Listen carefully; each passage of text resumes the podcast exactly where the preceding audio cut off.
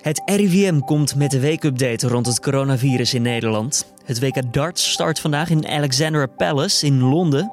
En Nederland zit sinds vandaag in de strengste lockdown tot nu toe. Het kabinet heeft hard moeten ingrijpen om de verspreiding van het coronavirus tegen te gaan. Bijna alles is of gaat op slot in ons land. Van niet-essentiële winkels tot aan scholen. Waarom is er nu gekozen voor deze harde aanpak? Dit wordt het nieuws. Dus wat dat betreft is dit een poging uh, waar, waar de maatregelen voor een over een heel groot gedeelte van de samenleving wordt uitgespreid. Dat iedereen zich weer aan de regels gaat houden. En op die manier uh, ja, toch weer een, een, een, gezamenlijke strijd tegen het coronavirus wordt. Over deze stevige aanpak kan politiek verslaggever Avinash Biki je straks meer vertellen. Dat er zometeen eerst kort het belangrijkste nieuws van nu. Mijn naam is Julian Dom en het is vandaag dinsdag 15 december. Dit is de Dit wordt het nieuws ochtendpodcast. Joe Biden is weer een stap dichterbij om de volgende president van de Verenigde Staten te worden.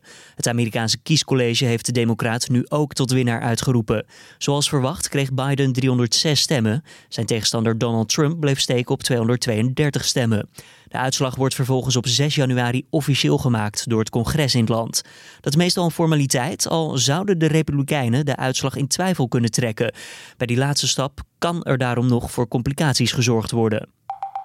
De Amerikaanse minister van Justitie, William Barr, zal nog voor de kerst het Witte Huis verlaten. Barr is een loyale aanhanger van Trump, maar de president leek snel klaar te zijn met de vriendschap toen Barr stelde geen bewijs te zien voor de verkiezingsfraude waar Trump over roept.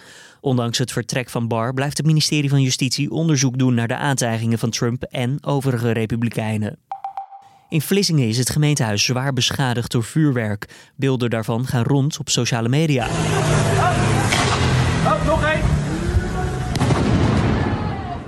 Er werd door verschillende groepen opgeroepen om te rellen in de stad, mogelijk met dit als resultaat. Burgemeester Bas van den Tillaar noemt de beelden heftig en schrijft over pure vernielzucht. Bij Omroep Zeeland zegt de politie dat het rond half tien s'avonds weer rustig was in de stad. Het middeleeuwse massagraf dat vorige maand werd ontdekt in Vianen bevatte waarschijnlijk de skeletten van slachtoffers van een veldslag die zo'n vijf eeuwen geleden plaatsvond. De gevonden sporen van geweld duiden op oorlogshandelingen, meldt de gemeente. Uiteindelijk werden er 71 skeletten gevonden op de locatie.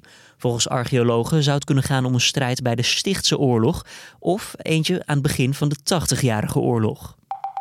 Peru sluit de beroemde ruïnestad van de Inca's, Machu Picchu, vanwege klachten van omwonenden. De stad is een van de meest iconische toeristische attracties van het Zuid-Amerikaanse werelddeel. Bewoners uit de regio protesteren voor goedkopere treintickets en willen bovendien dat er vaker gereden wordt. Zolang de protesten voortduren, is Machu Picchu gesloten voor iedereen.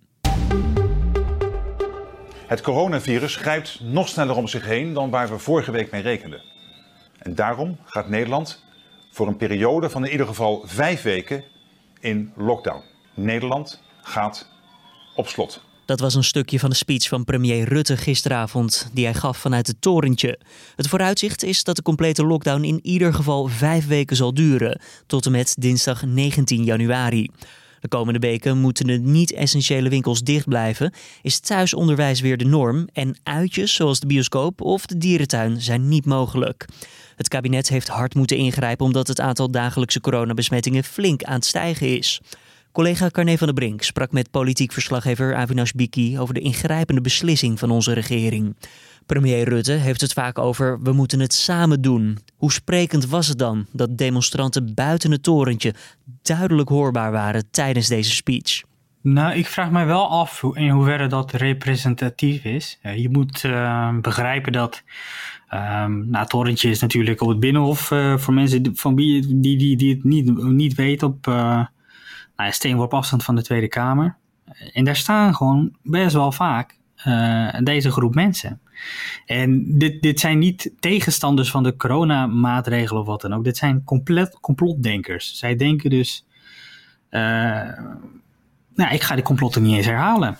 Zoek het lekker uit. Nee, het zijn gewoon complotten. en en nou het getuigt van heel weinig, weinig respect dat je door een, een tv-toespraak eh, van de premier heen gaat joelen. het is je goed recht. Hè? Het is vrij land om te doen. Maar ja, heel netjes is het niet. Nee, want heeft het effect op de premier en of zijn verhaal gehad? Nou, je, je zag hem wel heel even ernaar verwijzen. Hè? En de realiteit is ook dat we niet te maken hebben met een onschuldige griep, wat sommigen, bijvoorbeeld de demonstranten hier buiten, nog steeds denken, maar met een virus dat iedereen hard kan raken. Dus niet alleen de alleroudste onder ons. Dus uh, ja, je zag ook wel, uh, althans ik dacht uh, te kunnen zien dat hij op dat punt best getergd was. Ja, maar het is een kleine groep wat jij schetst. En dat moeten we niet in een breder perspectief zetten. Nee, kijk, als je het hebt over de oproep van we moeten het samen doen, dan heeft dat niet echt betrekking op deze complotdenkers. Maar meer over um, ja, de brede naleving van de maatregelen. Um, we zien dat in bijvoorbeeld als het gaat over thuiswerken, dat mensen dat steeds minder vaak doen. Er zijn uh, steeds meer werkgevers die een beroep doen op uh, werknemers om, uh, om toch naar het werk te gaan. Mensen houden zich niet zo goed meer aan de afstandsregels. Dat is, dat is natuurlijk de ene kant van de medaille. Maar je kan je ook afvragen van hoe komt het nou hè, dat mensen zich steeds minder goed aan de regels houden. Um, een van de verklaringen die minister Hugo de Jonge daarvoor gaf was dat mensen volgens hem beter aan de regels houden als de regels voor iedereen gelden. En ja, we hebben natuurlijk ook wel kunnen zien dat de afgelopen weken van een eenduidig beleid kunnen we niet echt spreken. Hè? Um, voor de ene, sector geldt bepaalde maatregel wel, voor de ander niet. De horeca gelegenheid midden in het centrum moet ze deuren sluiten terwijl de buren kledingwinkels de rijen voor de deur staan met Black Friday. Ja, weet je, dat, dan, dan denkt ook iedereen maar, zoek het maar uit. Dus wat dat betreft is dit een poging uh, waar, waar de maatregelen voor een, over een heel groot gedeelte van de samenleving worden uitgespreid. Dat iedereen zich weer aan de regels gaat houden. En op die manier uh, ja, toch weer een, een, een gezamenlijke strijd tegen het coronavirus wordt. Je kunt je ook wel een kleine kanttekening bij plaatsen. Schiphol gaat niet dicht. Uh, vliegreizen gaan gewoon door. En we hebben allemaal gezien uh, wat voor beelden dat het afgelopen weekend heeft opgeleverd hè? Op, op Schiphol, de drukte. Dus ja, wat dat betreft is het, we moeten het samen doen, maar de, de vliegtuig of de, ja, de, de vliegsector niet. Nee, maar waar het wel over gaat, dat zal in ieder geval vijf weken duren dat Nederland op slot gaat. Uh, het is een hele lange lijst van maatregelen die ze hebben bekendgemaakt. Uh, te lang om samen uitvoerig te bespreken. Daar zitten we hier morgenavond nog. Maar welk gevoel overheerst er, denk je? Nou ja, goed. Uh, bepaalde experts hebben al gezegd van dit had natuurlijk al veel eerder gemoeten. Um, we zagen een tweede, een tweede golf eigenlijk al vanaf oktober, hè?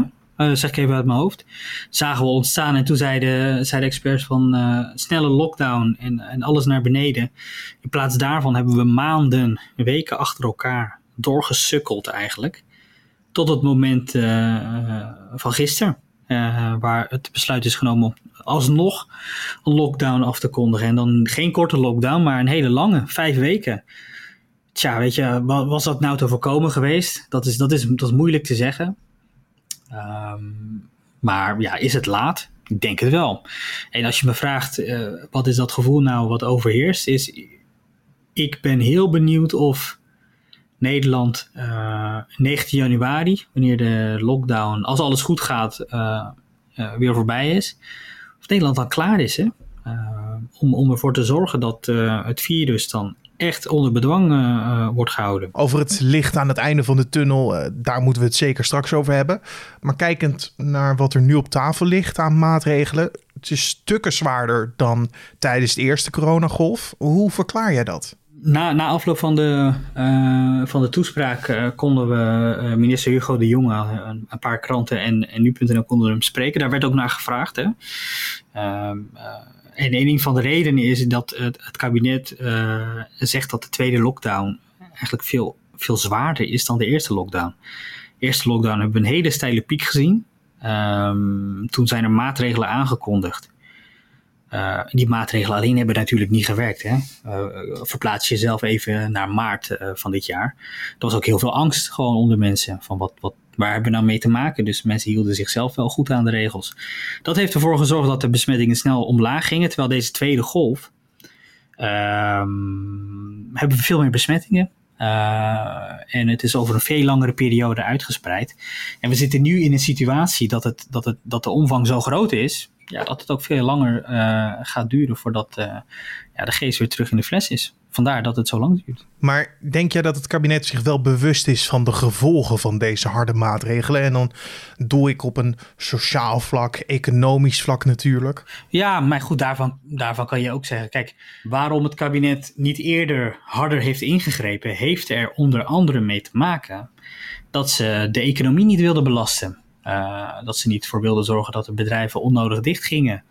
En, en ja, je kan ook wel zeggen van dat door dat hele tijd maar dat doorsukkelen, dat doorsukkelen, dat doorsukkelen. Dat je nu dan uiteindelijk in een situatie zit waar je de, de economie niet voor een korte periode, maar voor een hele lange periode op slot moet gooien. Dus ja, uiteindelijk per saldo ben je, ben je verder van huis. Um, dat zijn belangen die, uh, die, die altijd worden meegewogen. En ik denk dat het ja, weet je wel, als je het land vijf weken sluit, tja, kun je je wel afvragen, had je dat dan eerder gedaan? was dan die lockdown misschien wel wat korter geweest? Ja, dat is de grote vraag. En daar zal nog uitbundig over gesproken worden, nu of in de toekomst, eh, tijdens een evaluatie bijvoorbeeld. Maar het is wel duidelijk dat de gevolgen van deze lockdown groot zijn. Ja, natuurlijk. Weet je, scholen gaan dicht. Uh, uh, thuisonderwijs of via online thuisonderwijs. Waardoor ook ouders verplicht zijn om, om thuis te blijven. Dat is eigenlijk ook gewoon een verkapte manier om ervoor te zorgen dat mensen niet naar het werk gaan.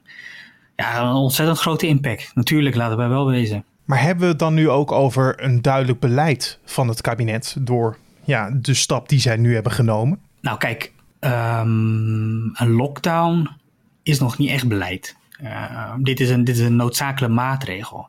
Beleid is wat ga je doen na de lockdown. Een lockdown is een middel in het beleid. En uh, het middel zou moeten zijn dat je met de lockdown ervoor zorgt dat de besmettingen dusdanig omlaag gaan dat je het virus kan controleren. En hoe doe je dat? Dat doe je door uitgebreid te testen, op tijd uh, de besmettingen te signaleren, die mensen ook te isoleren. Dat doe je door bron- en contactonderzoek. En we hebben gezien dat dat in de zomer uh, helemaal fout is gegaan. Hè? Testbeleid was niet op orde, bron- en contactonderzoek was niet op orde. Dus wat dat betreft uh, worden het vijf ja, hele zware weken voor, voor, voor heel Nederland. maar vooral vijf hele spannende weken voor het kabinet. Krijgt het kabinet het voor elkaar om op 19 januari de testcapaciteit dusdanig op orde te hebben dat het testen en traceren goed kan worden uitgevoerd?